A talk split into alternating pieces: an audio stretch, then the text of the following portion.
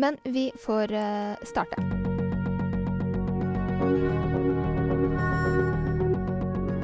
Ja, det er lov. Frifolk? vet da. Hyggelig å ha dere her. Er hører? Frifolk. Er du klar? Nå, nå jeg meg litt. Og det Det er ikke sant sånn at du liksom nå bestilte riks. Da er jeg fornøyd. Da kan du stoppe. Denne episoden her eh, handler om, om lyd. Ja. Og den har jeg gleda meg litt til, faktisk. Ja, hvorfor har du det? Nei, Jeg har jo jobba mye med lyd eh, egentlig de siste årene, men eh, og, og ofte liksom For meg var det sånn i pandemien så lærte jeg meg litt å lage musikk selv og sånn. Ja, og det var jo i pandemien vi også startet med denne podkasten, faktisk. Nettopp. Da var det, så, da var det litt eh, alenetid. Tid til å vende innover. vende innover og Mm. lage noe aleine. Mm. Eh, men det har vært veldig fint. Jeg syns det har vært veldig gøy å, og også ha litt av den skillen, da. Ja. Og, og kunne bruke den i vårt arbeid. Men nå eh, og, Så vi har jo gjort det en del de siste årene. Brukt uh, lyd. Ja, rett og slett. Og laget mye sånn lydbilder. Ja. Og brukt uh, Ja. Mm. Ja.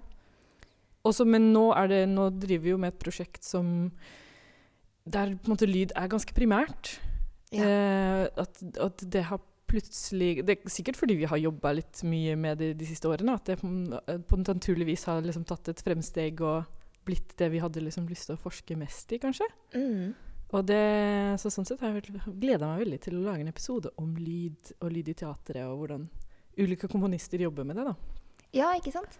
Vi har um, Bare for forklare for de som hører på, da. Eh, det vi snakker om nå, er eh, Vi jobber med et prosjekt nå som heter The Crowd.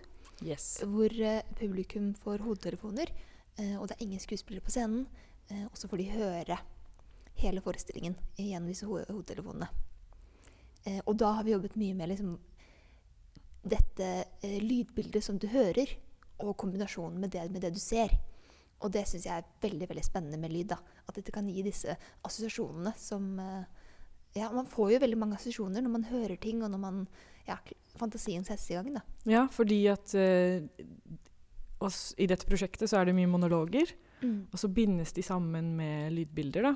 Mm. Og vi har jo det er, det er noe veldig spennende med at mye av det man hører, ser man ikke akkurat Det blir ikke utspilt på scenen, men det er kanskje små glimt som, som man kombinerer med det man hører, og så danner man et bilde i hodet sitt, Mm. kombinert med det lille man ser, som vi syns er veldig spennende å utforske akkurat nå. da. Mm. Og så blir det veldig mye mer opp til publikummeren, eller til eh, lytteren eller tilskueren, eh, ja, å, å, å skape en, en tolkning ut av det.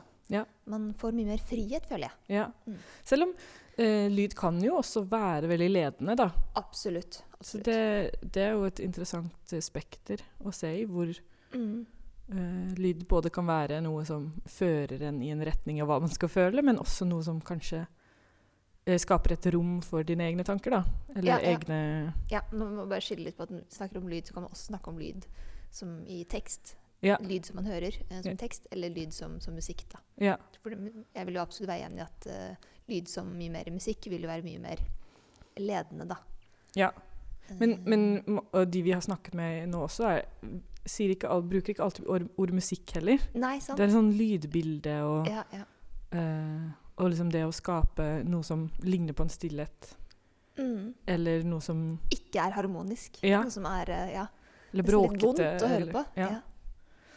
Så det er så uh, Tror jeg er veldig sånn Kanskje litt eget for teatret.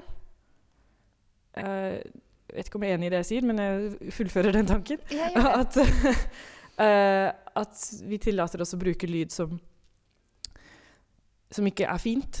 Som ikke uh, skal være en melodi eller en, noe gjenkjennbart eller noe Mm. eh, harmonisk, men at, at, at den kan ha en funksjon utover at det er fint å synge med på, eller å, å Ja, at det kan trigge noe i deg. Ja. eller at det kan ja, peke på noe i forestillingen. Nettopp. Eh, ja. Eller at eh, det er noen andre elementer i forestillingen som kan peke på musikken. Eller Absolutt. Absolutt. Mm. Ja.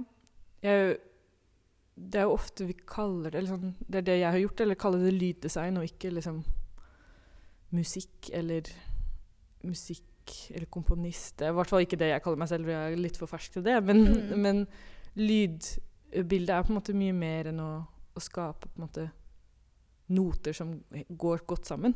Mm.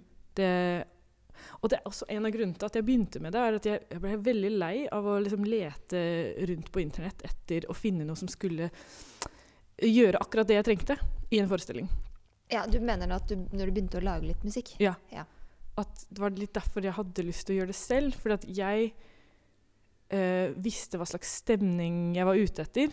Mm. Eh, og syns etter, jeg trodde, trodde at det ville være lettere for meg å lage det selv enn å eh, finne det på internett. Mm. For, hva skal man, for da må man igjen skjønne hvilke ord man skal søke på.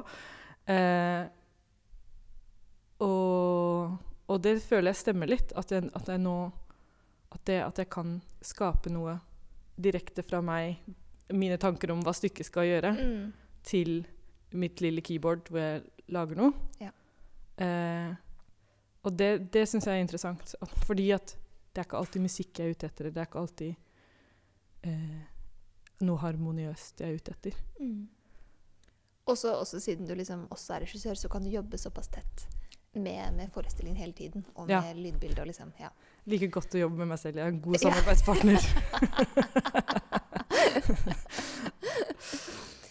Men det hadde vært veldig gøy å jobbe med eh, altså, en, en komponist også, altså. Fordi at det syns jeg har vært veldig inspirerende å høre Ja, om hvordan de jobber, som jobber primært med musikk. Kun med musikk, det er det de gjør, og de er en slags samtalepartner Mm. for uh, scenekunstneren. Ja, men dette er jo en litt annen diskusjon, da. Men det er jo fordi du og jeg jobber jo i det frie feltet, og ikke har liksom alltid de økonomiske rammene til å kunne liksom Nettopp. jobbe med en person som bare gjør musikk. Ja. Det fins jo de i det frie feltet som har den er der og har den økonomiske muligheten. Ja, og de har vi snakka om i dag. De, Nettopp. Å, du prøvde på en overgang. Ja, og så tenkte jeg at uh, ja, det er noe jeg gleder meg til. da. Når vi også kan jobbe med noen som, som er så fokusert på det og har så mye erfaring. da. Det er veldig spennende å høre om. Mm.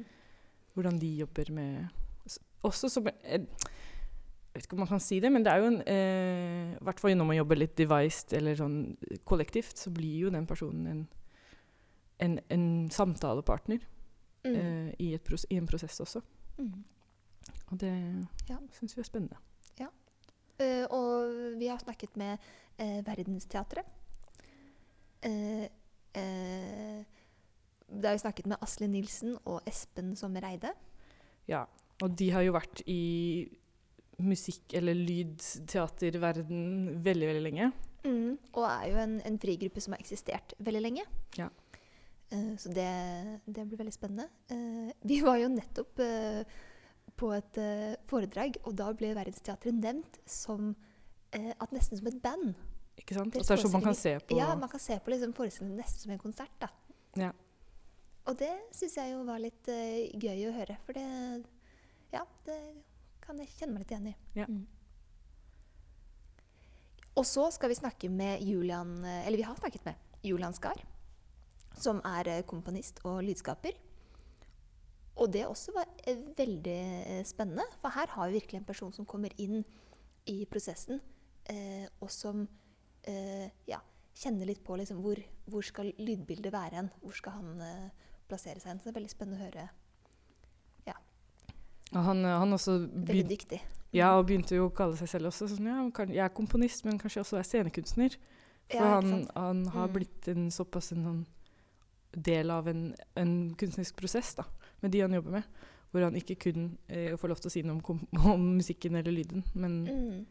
blir en del av hele den skapelsesprosessen. da. Ja, og, og det er jo kanskje litt kjennetegnet med disse to som vi har snakket med i denne, denne episoden her. At de begge to, eller både Verdensteatret og Julian Skar, eh, jobber på en måte hvor de vektlegger lyden.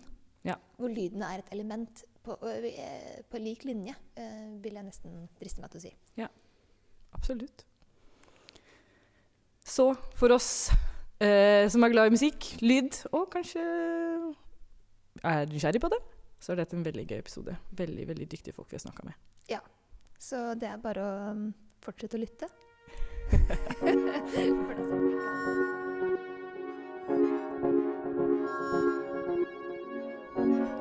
Julian Skar, komponist, lydskaper, men også scenekunstner.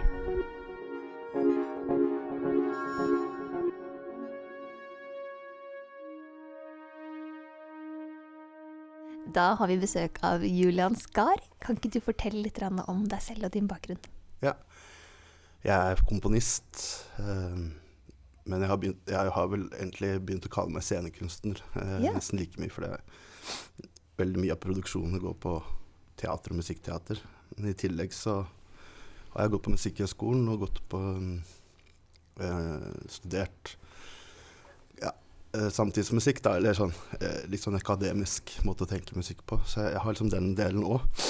Det som er ganske eksperimentell musikk, da. Og ja, så det har bare blitt sånn, egentlig. Jeg har alltid vært interessert i scenisk og visuelt uttrykk. Men aldri helt eh, eh, Ja, det er sånn dans Jeg er veldig glad i moderne dans. Det var kanskje inngangen til det. Ja. Og så har det blitt mye teatermusikk, og så har det blitt eh, at jeg også, uten å være en regissør eller en koreograf, så har jeg ofte Eller jeg, veldig, jeg jobber veldig mye i det frie feltet, da, og der sklir det så mye over i hverandre at jeg har blitt mer komfortabel med å jobbe eh, over grenser. Og så er jeg veldig opptatt av elektronisk musikk, så det eh, Alt fra sånn mer ambient ting til eh, popproduksjoner til eh, ganske støyte greier. Eh, ja. Så man kan vel se en slags sånn eh, En link, selv om det kan oppleves som litt forskjellige uttrykk. At jeg liksom jobber med et vidt spekter, så syns jeg i hvert fall det er en link da, at, uh, mellom ren konsertmusikk og, og, og scenisk. Men uh, akkurat nå så foretrekker jeg el- Eller jeg, jeg tror jeg liker best uh, scenisk arbeid. I hvert fall nå for tida. Mm. Fint. Men eh, hva var din, eh, din inngang til dette her? Eh, når var det du på en måte skjønte at det var dette du skulle bli? Um, altså som komponist, eller inn i scenisk verden? Eh, ja, kanskje begge deler, da. På en måte, Ja. Siden en måte har utviklet seg litt. Men Ja, nei, jeg har jobbet Eller jeg har spilt piano siden jeg var liten. Så spilt mye klassisk og spilt mye improvisasjon og spilt i band og på en måte vært kjørt den veien. Fra musikklinje til Toneheim folkeskole til musikkhøgskole til universiteter, kunst i Berlin. Eh, ja. Jeg har bare kjørt på, egentlig. Det har ikke vært noen tvil om at det var det det duger til. Da. Så Men da var det først og fremst eh, musiker som du på en måte Ja. Og så når jeg begynte i Berlin Eller jeg var utvekslingsstudent i Berlin, og der er det uh, veldig annen approach til eh, Det er for Da begynte det å komme andre kunstfelt inn i de samme klassene. Inn i lytt... Det var flere ph.d.-studenter som hadde en del sånne filosofiske prosjekter som om å oppleve musikk. eh, oppleve uttrykk og det altså var han ene læreren som jeg etter hvert begynte å gå hos, Daniel Ott. Han har, han har uh, veldig fokus på musikkteater, har eksperimentelt musikkteater. Så, så veit ikke jeg, bare et eller annet med Jeg er veldig glad i sånn elektronisk programmere, sånne små dataprogrammer, da. Og så på den tida så var det fortsatt DV-kameraer og sånn videotracking og sånn var litt nytt. Eller nytt og nytt. Det var på en måte Nå kan jo en, en Switch eller en Xbox gjøre Eller nå har det blitt litt mer sånn allmennseid, men da ble jeg veldig interessert i å bruke videokamera til å som sensor, da, eller for å bevegelse og sånn. Og da var det veldig kort vei til eh, I Berlin så foregår det på en måte eh, teater og dans, moderne dans hele tida. Og jeg kicka veldig på sånn fysisk teater og dans. Da. Så jeg vil si at mye av utdannelsen var egentlig å sykle rundt i Berlin og dra på ting. Ja. I Berlin så er det sånn på City, eller eh, Ja, i hvert fall flere av de uh, bla, eller magasinene med oversikter og hva som skjer, så er jo musikkteater en egen sjanger, i tillegg til dans og teater. Så det var, er mye som foregår da. Så jeg kicka på det, så, så var det egentlig moderne dans jeg eh, kicka mest på da. Eh, så jeg eh, eh, ble bare veldig gira. Hadde lyst til å prøve å jobbe med bevegelse da, og lage lyd med det. Mm.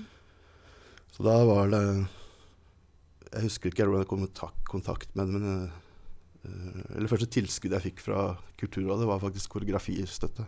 Ja. Ja, sånn utvikling. Så da møtte jeg Ingeleiv Bærstad. Ja. Som Men, men du har, har du danset uh, selv? Nei, jeg har ikke Jeg har ikke danset selv. Eller jo, jeg har jo det i løpet av livet, men jeg har ikke akkurat uh, Nei, noe å skryte av. Nei, jeg bare vet ikke. Jeg bare Det berørte meg eh, Jeg ble bare sånn gira av det. Det Mm. skapte en sånn drive til musikken. Jeg, bare, jeg tror kanskje at når du driver med musikk, så kan du oppleve dans på en sånn eh, intuitiv måte. Det er beslekta på en måte, men samtidig så sikkert fordi det er ganske langt unna, da. At jeg ikke har holdt på med dans. Jeg er ikke noen ballerina, akkurat, men sånn nerdete På en måte litt nerdete komponist. Så. Og så så jeg at det var veldig mye Det var en sånn stund hvor det var ganske mye teknikk da, i eh, videokunst og sånn i, i en del forestillinger. Det går litt i trender det der. Sånn, Mm. I det ene øyeblikket så er det eh, elektronikk og sånn interaktive forestillinger. I neste øyeblikk så er det på en måte at alle ender opp naken i en sånn klump Ja. i slutten av forestillingen. det var en stund det var, var det hele tida òg, men, det- men det der å sette opp et DV-kamera, som var da å få det inn i en datamaskin og sette på sånn at når du beveger deg sånn og sånn, så kan du trekke Så setter du i gang at en bassloop begynner å kutte seg opp og begynner å sprake, eller at det jobber også med sånn Prøvde å lage sånne visuelle koreografier som Ingelaug Berthoff. Hun ble også veldig inspirert av det, da. Så hun lagde noen ting med satt kamera i taket. Så lagde hun på en måte en sånn duo med seg selv, hvor hun lå på gulvet. Så det var veldig det var, så det, Og så fikk jeg etter hvert jobber. Og Lage teatermusikk. Og så fikk eh, et Statens kunststipend i å jobbe med musikkteater. Ja, så har det blitt operaer og musikaler i tillegg, da. Og, men Hvordan er det å jobbe liksom, med opera versus liksom, å jobbe med noe i det frie feltet? Det må jo være ganske stor. Ja, den første operaen var uh, en barneopera sammen med Maria Tryte Vennerød, som også ble moren til eh, barna vårt. da. vi møttes vi Komplisert måte å si at du ja, ja, vi møttes uh, ved å lage en opera, en barneopera. Og det var det frie feltet, faktisk. Med, ja, som het Kok. Med, ja, med tre jenter som het Charlotte og Ingvild og Marita. mm. Som bare hadde lyst til å lage det, og klarte å få i stand en barneopera som gikk på turné. Yes, så gøy. Det var en sånn klimaopera, da. Hvor de skulle finne knappen for å skru av. Nei, så det, det var Men da jobba vi Da jobba vi sånn mm, At jeg noen ganger skrev i noter som var bevegelse, f.eks. Du har eh, noe som heter Laban. eh, i dans. Ja. Som er en slags sånn Det er ganske gammeldags nå, kanskje. Jeg vet ikke. Men det er sånn, jeg satt i hvert fall satt meg inn i det. Jeg husker ikke hva han heter, men en av de så største uh, Jeg husker ikke akkurat nå, men det er en av de største legendene innen dans uh, som er uh, død nå. Men han, han kommer sikkert på det etterpå. Men han dansa ut til han var 70-80. Eh. Nå kommer jeg på det er Merce Cunningham. Ja, Han var med å utvikle noe som het uh, Lifeforms først, og så ble det Danceforms. da. Og han har gjort flere koreografier med det, som er uh, at, det, at jeg, har, jeg kom aldri dit at jeg på en måte lagde en forestilling, jeg, men jeg hadde, det var liksom målet. var egentlig å gjøre det. Men så, det gjør at du får en slags innblikk i, i Du kan sitte og nøle på datamaskinen, da. Og så kan du jobbe med en, en danser, og så for I det programmet så kan du liksom vri hodet rundt ti ganger. ikke sant? Eller du kan Mm. gjøre ting som egentlig ikke går. Og da kan du jobbe med en koreograf som vet hva som går. Og så noen ganger så blir det ganske, ganske tøft. da. Men er du, er du, jobber du også, kan du også jobbe visuelt med liksom lyd, på en måte? At du kan, kan tegne det opp eller se det for deg, eller Ja, det, det er også noe med sånn datatracking. da. Altså, det er det der nøleprogrammet som sikkert Hvis dere har snakka med flere som driver med sånn eh, lyd og sånn, så er det software som heter Max 8, som er et sånn programmeringsverktøy, da, hvor du Mm. putter tråder mellom forskjellige dingser som gjør, gjør forskjellige ting som du kan skrive inn. Så jeg jobber en del med å, å visualisere lyd som video, med masse forskjellige teknikker som jeg har brukt eh, Det kan være helt sånne enkle ting at du f.eks. har audiolyden, altså lyden, bildet av lyden, både vannrett og horisontalt altså, Nei, altså vertikalt. Horisontalt, altså i forskjellige retninger. Og får sånn gittere. Og jobber med farger. At noen frekvenser er visse farger og, og, og sånn. Det er bare ren sånn eksperimentering. Mm. Jeg jobber også kan jeg jo, har jeg lært meg å uh, videoprogrammer og Ja. Hva betyr eh, musikken for deg i en eh, forestilling, eller hvilken posisjon ønsker du at den skal ha? Altså, nå har jeg blitt sånn eh, Kanskje voksen kunstner. jeg er ikke ung lenger, i hvert fall. Så da, det å flotte seg og, og breske seg med sånne flotte ting er på en måte ikke blitt fokuset lenger. Det handler om at en liten dippedutt, altså en liten pling eller en liten, et lite sus, eh, kan på en måte løfte en scene like mye som en sånn pompøs støyvegg. da. Mm.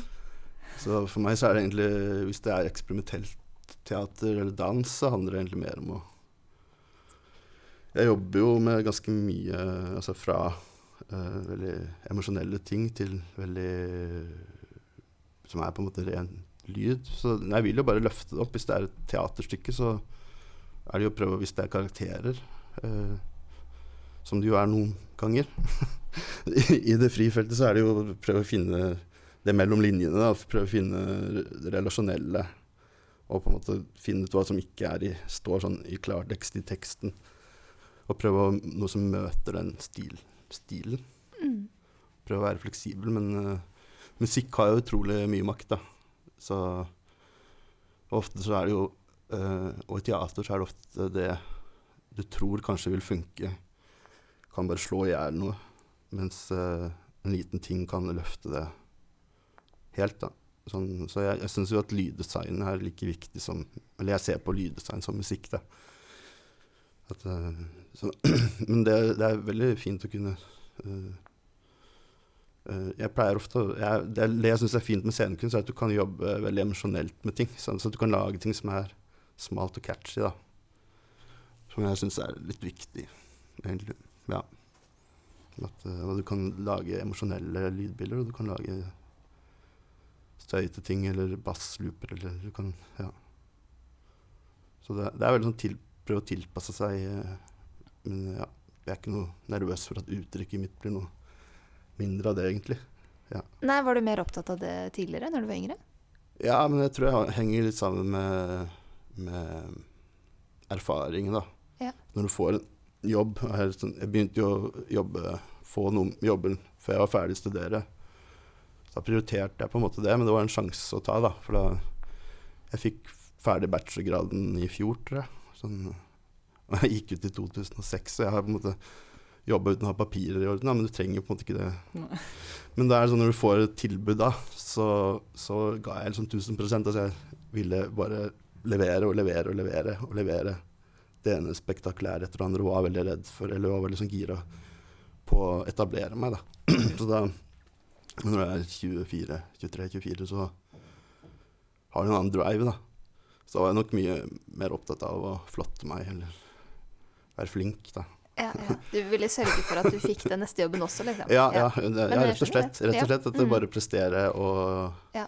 Mens nå når jeg er blitt voksen, så handler det egentlig om å være litt mer eh, økonomisk. Eller er man voksen når man er 41? Jeg føler meg kanskje ikke voksen egentlig, men sånn på papiret. Så, Mm. ja. Det handler litt mer om å være, eh, være litt økonomisk og vite at eh, det er mye bedre å heller gi en koreograf eller en regissør masse tilbud, og så hvis du har et manus, så liksom foreslå.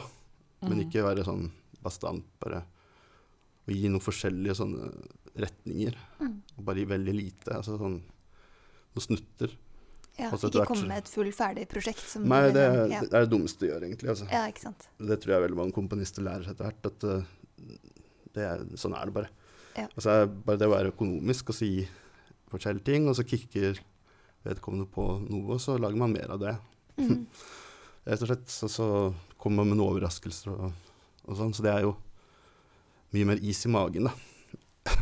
Enn bare gønne på. Som jeg, Ja. som jeg tror også er veldig bra, da. At man, eller du må nesten det når du er uh, ung og prøver å bli ung og lovende Mm.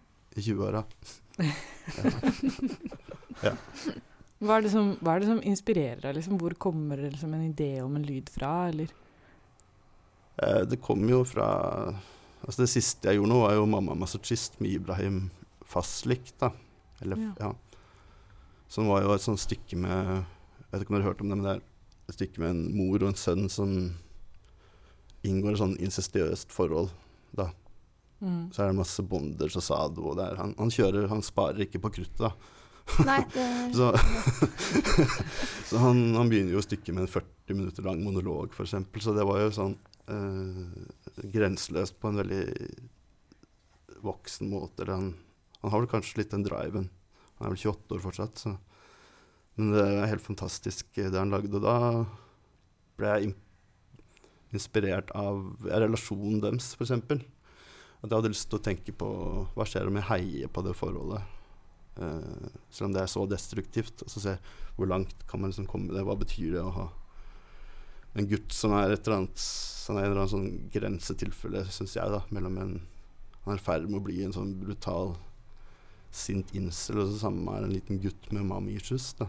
Mm. Hva sier det om de to, hva, hva gjør det om henne? Eh, han etter hvert begynner å kontrollere moren sin, da, men hun kontrollerer også han med ganske sånne lumske triks. Det, det satte i gang veldig mye det, ja, Da kjørte jeg liksom på med to ting. Jeg kjørte på med rytmer og, og bass og sånn brutale ting. For jeg så for meg at det kanskje kunne funke. Og så kjørte jeg også på sånn cinematic, for hvis jeg skal heie på det forholdet, så tenkte jeg bare film, nesten. Altså, det skal være sånn, Mm. nesten så, så banalt. Jeg bare lager sånn cinematic, vakre greier med, med kor og, og stryk og, og klokkespill og, og sånn. Og sånn sad piano-klisjé. så at, eh, så hadde det, og da Og sånne dype basser. eh, jeg hadde veldig lyst til å prøve Det prøver jeg vel i alle stykker, da, men det er kanskje første gang jeg fikk det til nå. Jeg liker å jobbe med sånn dype frekvenser. At du har dype frekvenser under det du kan høre, øret egentlig kan høre. Og så har du to sånne som egentlig dissonerer.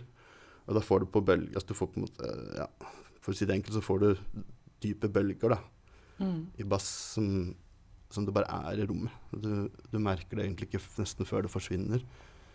Så det, eh, for det tenkte jeg kunne Når han skal ha 40 minutter monolog, så må du på en måte være litt sparsommelig. Du må liksom være med på at du skal være i noe veldig lenge, og så vente på et brudd. Mm. Sånn eh, Ja. Så ja, det, det som det er sånn eh, Den første delen handler om at, han, at det er barna. Publikum er barna hans. da Og Han står i en hvit underbukse og er ganske Ja, deler ut litt melk og sånn. Og, og, ja. og så plutselig så setter han seg på en stol og begynner å fortelle om inseminering av kuer. da ikke sant? Om at en jomfrufødsel ikke er en, eh, et mirakel lenger i fjøset. da og snakker om hvordan man liksom Ja. uh, egentlig voldtar kuer, da. Det er det man egentlig gjør. Ja, For å inseminere dem. og så, Sant. at Ja. vi, Mm. og så drikker vi melka til en Mm. annen art. Ja.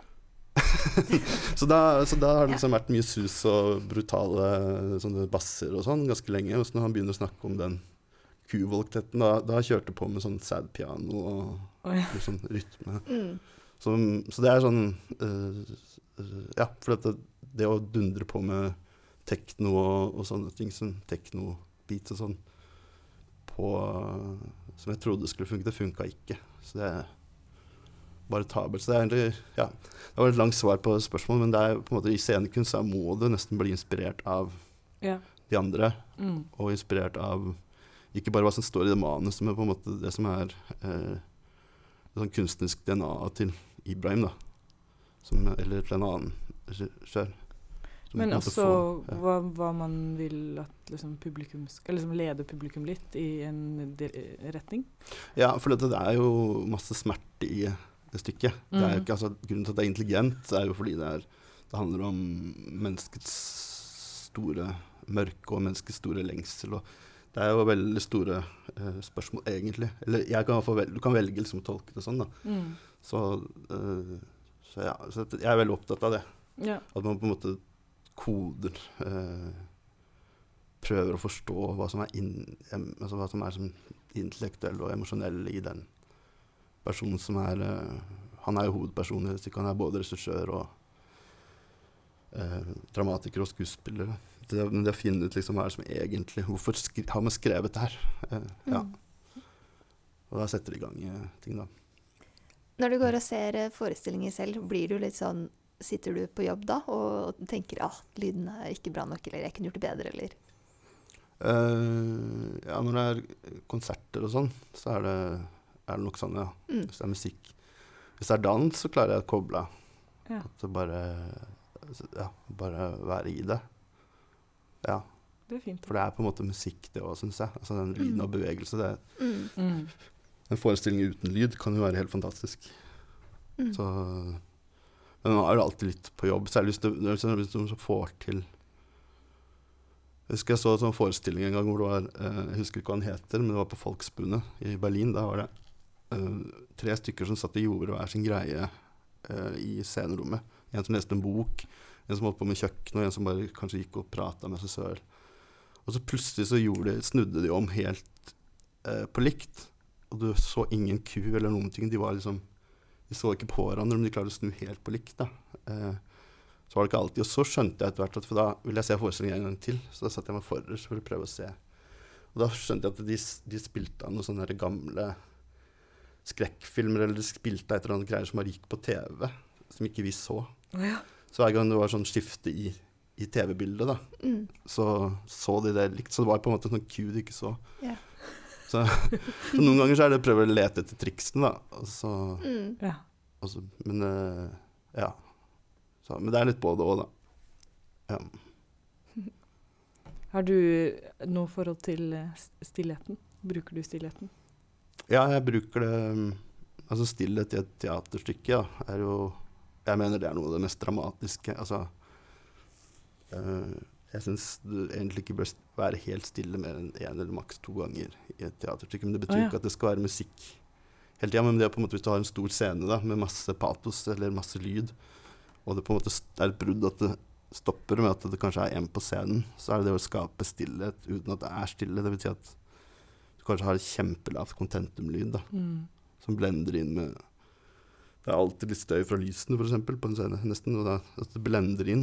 At det er ikke helt stille. For du, men man opplever det som stille. Men det er bare at det, det faller liksom ikke ned. Det blir eh, Altså, når det blir helt stille, så syns jeg det er veldig dramatisk. Da Da merker du at den kontentumet som har vært der hele tida Da er det først da du legger merke til den. Og sånn er det også på film ofte. Du hører det tror mye lyddesign du egentlig ikke tenker på. Men at du liksom har for eh, Ja, nå gjorde uh, jenta mamma ti, tiden for Tigerbussen og altså, Tore Solvang. Så var det jo en, i en by. Og det er så enkelt som å bare ha et sånn bykontentum som er så langt unna at du egentlig ikke hører hvis du ikke har laget det. Men når det forsvinner, så, det, så forsvinner hele illusjonen. Eller da får du veldig fokus på den personen da, i, som skal si noe. Eller du Så at det, den stillheten i teateret er veldig Men ja Det må man bruke veldig klokt, da. Så det som er stille, er ikke nødvendigvis stille. Nei. Så, men så i, i musikken så er det også sånn Jeg husker noe, det var en stund hvor alle var opptatt av eh, Eller alle, altså mange komponister eh, Det var en stund hvor stillhet var veldig stort i samtidsmusikken. Det var eksempel en som heter Salvatore Cerino, en italiener som jobber med veldig svak lyd. At det er på en måte sånn du må, Det er så uhørlig. Og det er, og det er for uh, akustiske instrumenter, men det høres nesten elektronisk ut. Han lager liksom lyddesign med, med, med strykere og, og blåsere, da. Og det, og det tror jeg særlig For jeg vært, gikk en stund i Bergen, og da var det nesten sånn skole ut av det. Det var veldig mye fokus på en del sånne klanger og, og sånn. Og det liksom holde det nede hele tida. Eh, Så det tror jeg henger litt igjen, da. At uh, du kan sette veldig pris på sånn type musikk. Det er kanskje litt sånn italiensk tradisjon, da. Så, så men stillhet er egentlig en illusjon. Nesten. Mm. Så du har et sånt rom i, på IRCAM, altså, som er et sånn forsk lydforskningssenter som ligger under Pompidou-senteret i Paris, og der har de et rom hvor det er helt stille, da. Ja. Uh, ingen refleksjon av lyden. Og der kan du vel si at det er stillhet, eller i hvert fall at den lyden som er, den blir jo forsvinner med en gang. Og da Det er ikke så behagelig. Men det er ikke stille heller, for du hører jo hjertet ditt, eller hører, plutselig hører du pulsen i halsen slå. Eh, det er veldig fysisk, men der er det på en måte I hvert fall sånn at lyden ikke kan reflekteres. Da, så det er helt stille. Det har vært en tur for å teste det rommet. Godt tips. Det, ja, rommet på Irka. Mm. Det, Har du et uh, drømmeprosjekt i fremtiden? Uh, ja, jeg har egentlig det. Uh, har jeg sånn pro altså, prosjekt Pga. At jeg er adoptert, så har jeg, skal jobbe med Jeg har begynt på et prosjekt som heter Slumbror. Som både er et ganske sånn svart, beksvart, men samtidig sånn humoristisk og emosjonelt verk hvor man jobber med forskjellige eh, folk som er adopterte, som har kommet i 40-årene nå, som har blitt kunstnere, og så undersøker om i hvert fall veldig manges historie, enten de kommer fra ja, altså De fleste i Norge kommer jo enten fra Sør-Korea eller i, i, fra Colombia. Det var liksom det som var eh, de, de landene man kunne velge fra på ja. 80-tallet. Ja, okay. Det var de som hadde åpna for eh, Og da, nå har jo folk blitt voksne, ikke sant. Og det er jo ganske mye å si om adopsjon som vi ikke trenger å komme så inn på her. Men i hvert fall så er det mitt sånn Hvis du egentlig skulle bodd på gata i, i Bogotá, da, og vært slumgutt, liksom, så har du vokst opp i Norge og blitt statssubsidiert uh, kunstner. Ja. Det er ganske store kontraster. Da, så det handler om hvordan, hvordan kan du høre det uttrykket. Mm. Så det er, slags, det er kanskje egentlig det som er altså Det er sånn langtids Jeg har tenkt å prøve å kanskje få til en ph.d. på etter hvert, men i hvert fall forske, eller kanskje ikke yeah. Trenger å gå inn i skole eller akademia, akademia, men forske på det i forskjellige retninger. Og det er ting med rusavhengige, og det er ting med adoptivbrødre. Det er sånn Vi gjorde et stykke som het 'Flytende speil', med Marius Kolbenstedt og Julia Wenter og Torbjørn Davidsen nå. Som ble kjempegodt likt. Det var, og da gjorde vi det. Det var 90% av det vi snakket om på scenen, var jo egne historier. Eh, og det klarte vi å få til uten at det ble kleint. eh, og ble faktisk nominert til Kritikerprisen i scenekunst for det. Så det var en anerkjennelse og utrolig stas, for da, da jobba vi sånn at vi Mm. satt nesten bare og, og satt i ring og snakket med hverandre og ble delt av livet vårt. Og så, så var det nesten som en slags gruppeterapi.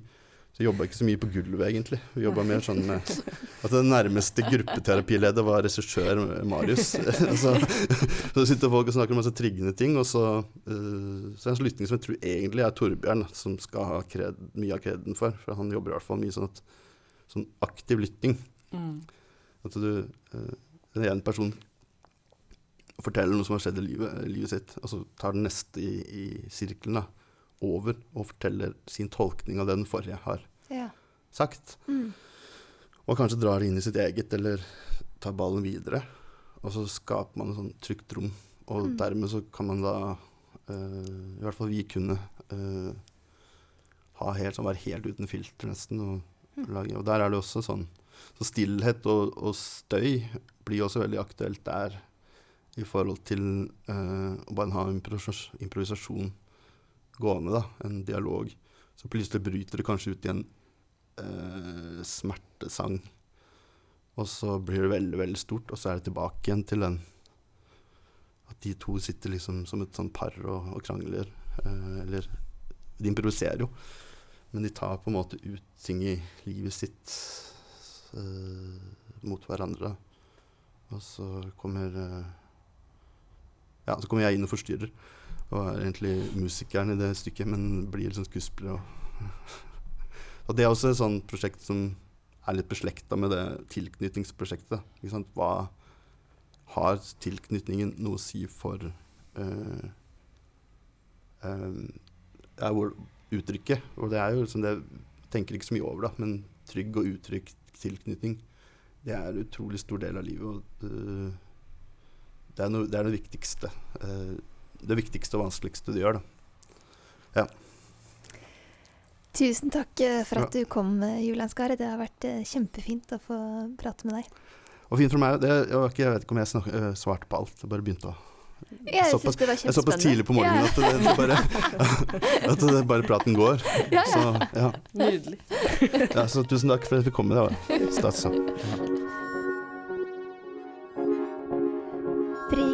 Verdensteatret startet i 1986, og vi har hatt besøk av Asle Nilsen og Espen Sommer Eide.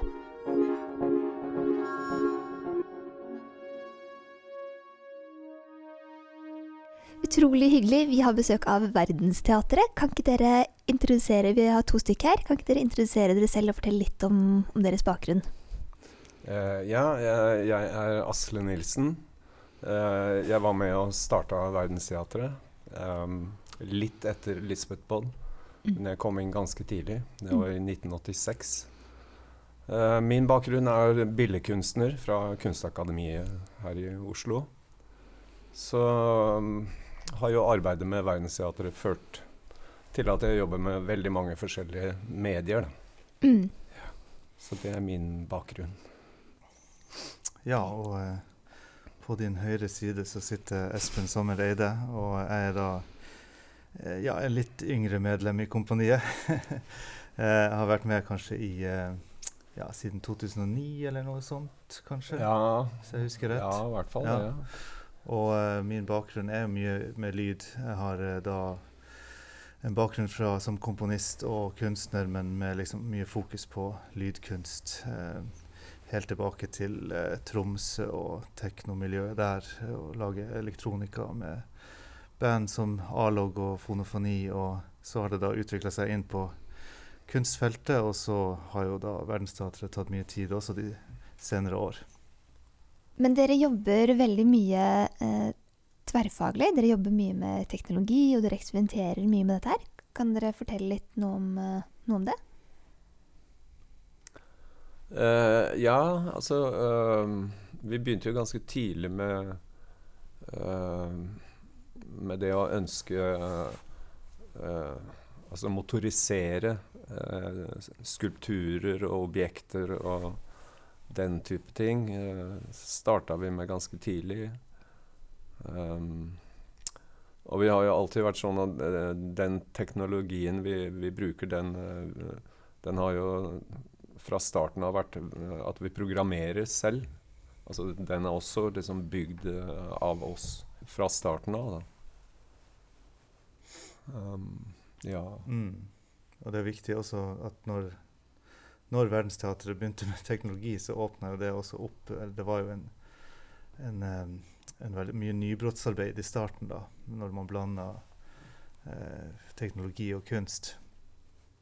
Eh, men det åpner også opp for andre typer samarbeid, sant? fordi da kan musikere på en måte trigge videoer, og videoer kan påvirke lyden. Og du åpner opp felt som tidligere var litt mer lukka. Um, og skulpturer kan bevege seg, og alt kan, men altså, du kan på en måte knytte alt sammen i et nettverk på en annen måte. Så det var ikke sånn at du har bare én spesialist her, én spesialist der. Men det er veldig viktig for de som er med i Verdensteatret, og alltid jobber veldig sånn åpent. Det ligger i den kollektive prosessen at du, du kan ikke komme med en helt ferdig, lukka idé og bare presentere 'Se hva jeg har lagd for et fantastisk eh, verk'. Nå skal det inn her.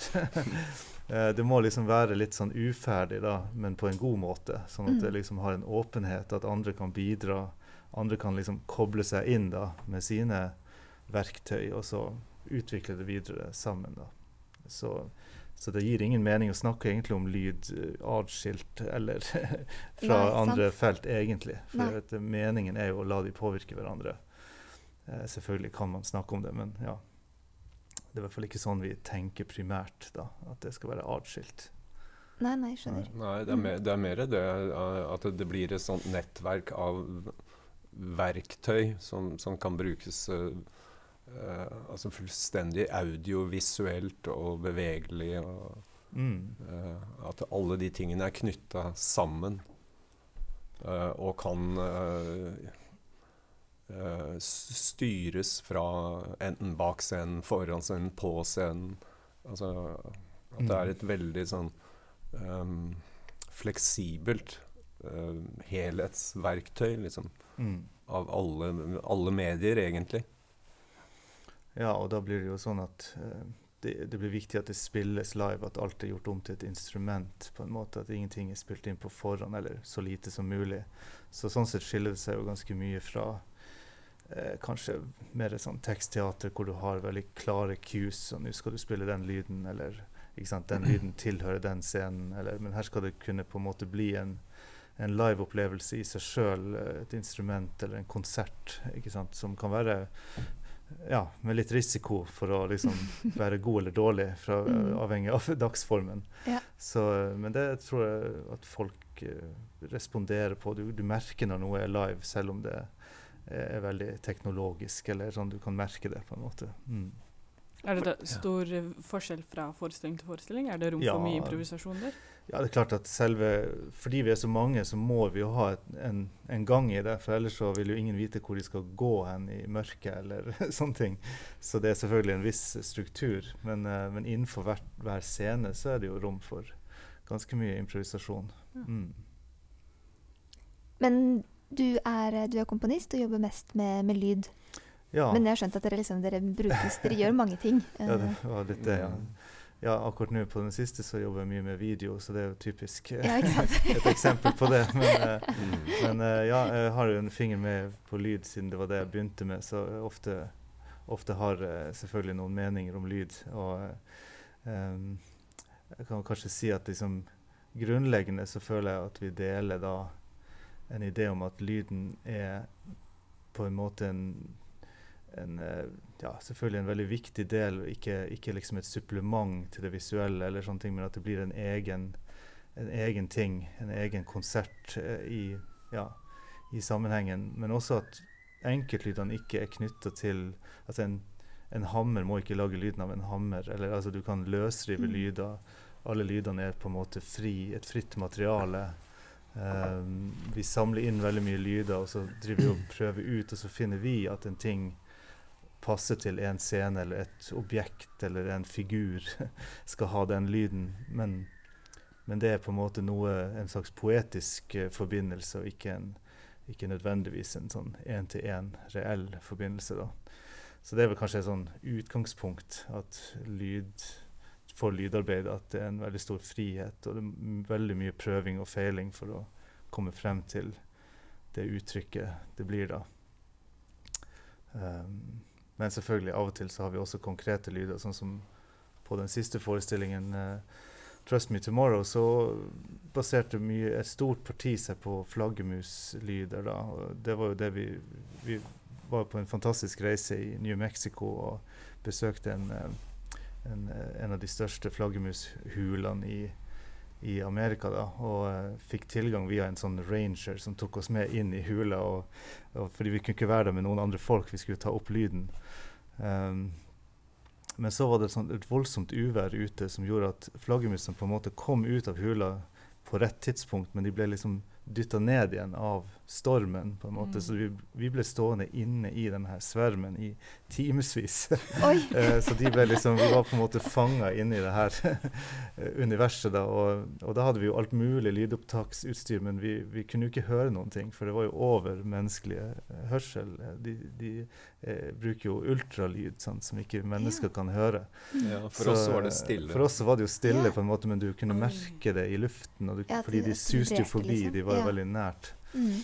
Og det her var jo også før eh, de fikk et dårlig rykte med korona og sånn. Så, Ja. så vi, var, vi føltes jo ganske sånn trygge der, men etterpå så var vi jo kanskje litt mer eh, skjelven. Ja. For hadde de truffet oss, så, så måtte vi ha tatt alle mulige slags vaksiner. Mm. Ja, sant. Men, eh, men det, det jeg husker veldig godt, var at sant, på lydopptaker så har du jo et utslag på, på volum, og, og det gikk rett i rødt. ikke sant? Selv om ikke vi hørte noen ting på våre ja. headphones, så var Ja. det fullt, fullt utslag på opptaket, fordi opptakeren tar opp høyere enn den menneskelige hørsel. Altså vi hadde stilt det inn sånn. Mm. Og det betyr at vi kan etterpå pitche det ned, så vi kan høre det da. Okay. Så det, det resulterte da i en scene som er helt i mørket i 'Trust Me Tomorrow', der, eh, der eh, publikum sitter helt i mørket. og Så har vi på en måte. Så det er en av de få gangene vi faktisk prøver å emulere litt den opplevelsen i, i hula, men, men med hva skal man si, vi har utvikla det videre. da, men, eh, men det er klart at den var så sterk, den opplevelsen, at, eh, at det ble interessant å, å rett og slett prøve å lage vår versjon av det, da, på et Mm. vis. Mm. Mm. Så gøy. Hva liker dere selv da, av, eh, av lyd? Eller hvordan liker dere at lyd blir brukt når dere ser andre forestillinger, f.eks.? Har dere noen tanker om Jeg vet ikke, altså Jeg vil igjen si at det der med, med det samspillet mellom det visuelle Mm. uh, og lyden. Uh, vi jobber så mye med, med hvor vi liksom veksler med, mellom hva som er fokus her, eh, det vi ser eller det vi hører. Uh, ja, personlig syns jeg det, den uh, litt sånn synestesi-blandingen Mm. er veldig spennende. Da. Mm. Ja, eksempel eh, så hadde jo du den, eh, den merkelige ideen om Når vi holdt på med de sykkelhjulene Jeg vet ikke, Du kan kanskje beskrive den sykkelhjulskulpturen som var det her slags treaktig skulptur som var med i eh, Ja, det var en sånn ganske stor uh, skulptur basert på, på en masse sykkelhjul som var sveisa sammen i en sånn uh, ja, ganske sånn tre meter høy, stor skulptur. Eh, som eh, ja, med blomster rundt hjulene, så det ble som en slags Ja, vi kalte det en begravelsesmaskin. Ja. Altså det er en, øh, med litt sånn fantasi om at du, du kunne leie en sånn maskin til begravelse. Og så sette den på, på uh, sette den i gang. Og da spilte den uh, um, begravelsesmarsjer fra New Orleans. Ja. Altså det, sånn jazzmusikk, da. Som Mm. det, Mm.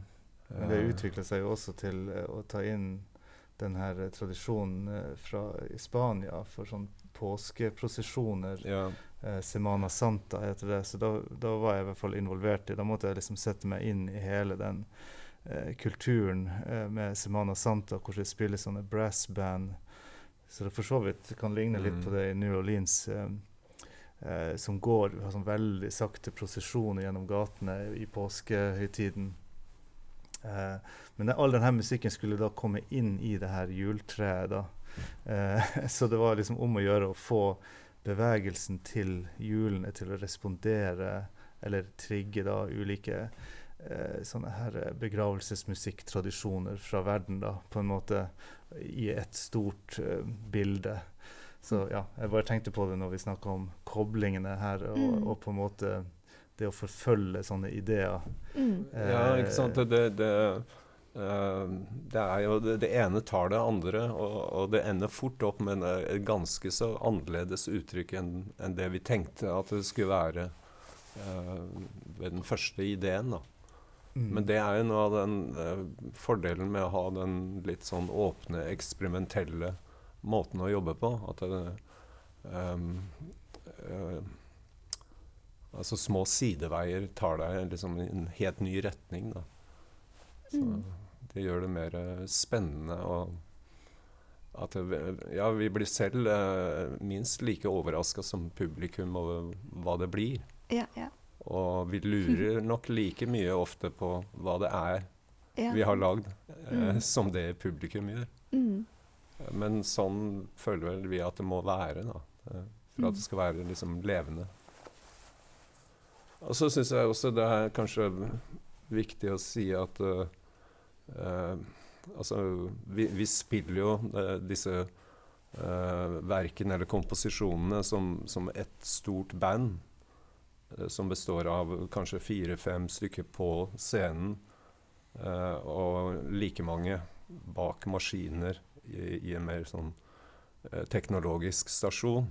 Men alt er direkte live, så det blir jo eh, like mye som en som spiller et instrument på scenen.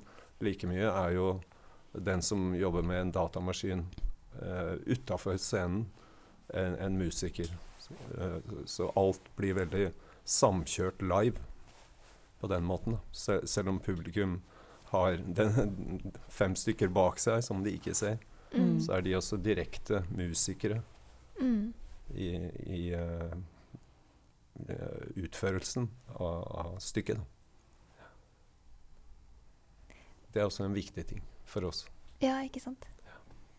Altså, de sitter ikke og trykker på en knapp, og så kommer det noe ferdiglagd. Nei, De sant. sant. spiller direkte. Mm. Jeg skjønner. Mm. Eh, du nevnte at eh, publikum eh, eh, også kan lure på hva, hva dere lager. Eh, opplever dere mye, får dere mye kommentarer på at det er veldig rart, det dere gjør? Ja, det har vi nok alltid gjort. Altså, det er veldig ofte at anmeldelser og sånn gjør et poeng ut av at du forstår kanskje ikke hva dette er, men Ja, ja. hvis du lar det bare utspille seg, så bare bli med, liksom. Sånn. At det har blitt en litt sånn Jeg er kanskje litt lei av det, men at det har blitt en sånn, sånn greie at det, at vi lager ting som ikke er så lett å forstå. Mm.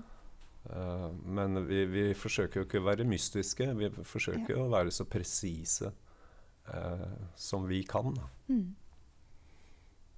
Men det er jo sånn uh, abstrakt, poetisk, kunstnerisk uttrykk, da. Så det er nesten nødt til å være ganske åpent, også for oss. Ja, for dere bryr dere ikke selv så mye om betydning eller forståelse? Ikke at, det, at vi tvinger noe inn i en form som skal passe til det. Nei. Det går heller motsatt vei, da. Mm. At hvis det uttrykket uh, har ting ved seg som vi ikke selv forstår helt, men, men man har jo en sånn følelse av at fungerer dette eh, Ja. poetisk eller kunstnerisk, eller gjør det ikke? Og hvis de gjør det, så trenger ikke jeg, jeg i hvert fall å vite akkurat hva det sier. Nei. Det kan være åpent. Hva er deres eh, relasjon til eh, stillhet, da? Da ble det stille. Mm. Ja, nå skal vi holde det stille her i tre minutter. Ja. Akkurat på det. ja, Ja, ja. Nei, altså Ja, det er vel litt sånn eh, Det blir liksom eh, å si noe filosofisk om stillhet. Jeg vet ikke om jeg er klar til å gjøre, men, men så klart vi har Vi har bråka ganske mye opp igjennom. Så, så Men eh, ja, det fins jo stille scener òg i, Ja, i det det, det. vi gjør. Så det er jo viktig å ha den dynamikken mellom det. og vi har jo nettopp uh, kommer jo nettopp fra Göteborg, der vi har spilt den her 'Trust Me Tomorrow'. Den, den slutter jo med en helt stille scene, der du hører at vi ja, Du skal ikke høre det, men vi skal gå inn på scenen i mørket. Men det er jo utrolig vanskelig med fem-seks personer som skal gå på en rekke inn uten å lage en eneste lyd. Mm. Eh, før, før noen sånne lysinstrumenter går i gang og spiller liksom da en, en slags lyssymfoni på slutten, som er da helt stille. Så, så det er definitivt en stille scene, og vi har, jeg har limt da sånne her, du vet de små putene man har under stolbein, eh, limt under skoen sant, for å få det til å bli helt stille. Og, og ja, men ja, i, i Göteborg så var det altså for mye knirking i, i gulvet der, så vi, vi måtte gjøre noen, noen grep eh, på hvordan vi skulle komme oss inn. Ja, eh, men anyway, det var i hvert fall Det ble en veldig fin scene til slutt. Mm. Uh, Men vi, vi, vi er jo um, veldig fascinert av uh, lyttesituasjonen, da. Uh, som, som veldig ofte blir At det blir interessant å, å lytte til veldig mikroskopiske lyder. Altså ikke stillhet nødvendigvis, men den, den uh, fokuseringen av, av å få til en, en lyttesituasjon som er veldig som er spent uten å liksom dø, som, som har liksom tension eh, i Mm. seg. Det, det liker vi veldig godt. Og så er det jo ofte sånn, når vi, sånn som den siste nå hvor vi jobber med uh, mye mørke, så er jo det også en sånn du, du blir så veldig sensitiv når du har sittet en stund i mørket. Så det er, det er nesten som å tette igjen eh, for, for vann som siver inn et sted. Mm. Det finner liksom alltid et lite sted hvor det kommer inn noe vann, og sånn er det med lys også. Ja, sant. Eh, så, så vi bruker ganske mye tid på å, å, å tette igjen alle disse små lyshullene. Mm. Sånn at der det skal være mørkt, så er det fullstendig svart. Mm. Uh, ja, så den type ting at det, man, man får lyst til å gjøre det helt svart. ja, ja, ja. Ikke, ikke ha noe sånn Mellomtid. Mm. noe, noe Mm. små um, Ja. eh, elektroniske, bitte små lys borti et hjørne. Sånn, det ødelegger alt. Liksom. Mm. Men med, med, med stillhet er det jo litt annerledes, fordi det, fi, fins jo ikke stillhet. Det er- vel John Cage eller noe som, som sier at altså, du må ha en lyd for å oppfatte det som stillhet. Ja. Altså Hvis du har en sånn Mm. komplett stillhet, sånn som fins i sånne her uh, anekoiske rom og sånn på, på sykehus der du driver og måler ting, så oppleves jo det mer sånn eh, romlig, klaustrofobisk eller noe sånt, men, men kanskje ikke som stillhet. Stillhet er liksom en slags lyd. Mm. Så du må velge riktig lyd for å få den riktige typen stillhet, da, på et vis. Uh, så du kan jo faktisk Ja, man kan jo faktisk lage Altså konstruere stillheter som en eget element i en forestilling, da, på et vis. Mm. Mm. Avhengig av hvilket materiale du bruker. Men dere snakker også litt om bråk. Jeg har jo sett noen av deres forestillinger. Det er jo, dere har, bruker også lyd som kanskje ikke kan betegnes som harmonisk eller melodisk eller fint. Nei. Hva, hvordan ser dere på Hva er på en måte verdien av bråk? Ja Det er jo et fenomen. Eh, Støy som et fenomen er, er også interessant. Eh, altså bare, la, la oss si du er på en stadion. Da. Mm. Eh, altså den, den der voldsomme energien som kan være i, eh, i den type støy, eller det kan være industrielle ting. Mm. Det, det har jo noe med at det, at det er kraftig, da, eh, som, som fascinerer.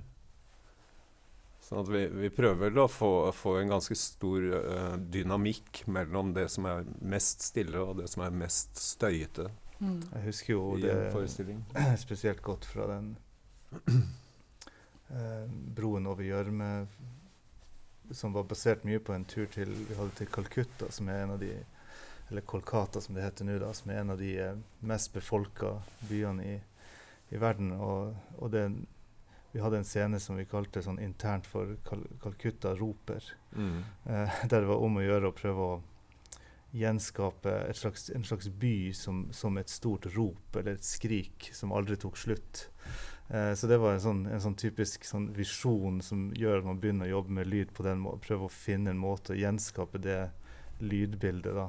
Så ikke gjenskape akkurat lydbildet av Kolkata, men mer bare hvordan ville det høres ut om du, om du svevde over en by og hørte hele byen på avstand, på et vis. Um, Ja, det hadde jo utgangspunkt i et lydopptak vi tok mm. i, i en park. Og så har du en enorm trafikkstøy rundt den parken. Og så var det en demonstrasjon uh, i den parken med, med en, uh, en speaker som, som, som ropte ut ganske aggressivt sitt uh, program sammen med denne trafikkstøyen. Og så var det jo da fristende å prøve å legge lag på lag på lag av dette her, så, som om dette skjedde over hele den der enorme byen. Som ett stort brøl, liksom. Mm. Ja, så det, Det ble bråkete. Det ble bråkete, men jeg tenker at det ennå er bråk med en viss idé bak. da. Det er liksom ikke det er vel sjelden vi bare bråker uten at det er noen tanke om at vi ønsker å oppnå noe. da. Så vi bråker liksom ikke bare for å være Ja, ja, vi gjør kanskje det òg. Ja, jo, vi kan gjøre det òg, men, men i det tilfellet her, da, så, så, så med, tenker jeg at det, det var et forsøk på å lage et bråk som, som, hvor du kunne høre et slags sånn et raseri fra, Mm. fra Ja. en befolkning i en uh, millionby Ja. som har liksom fått nok, på en måte. Mm. Ja, så, så veldig ofte har det jo en sånn Selv om det kan høres veldig abstrakt ut, så har det en, en eh, Det ligger noe under, eh, et slags sånn En opplevelse av noe under der, da. Da tror jeg vi sier eh, tusen takk. Det var, eh, ja, var kjempespennende å høre på dere. Takk for at dere kom. Ok. Takk for Takk. at vi fikk komme.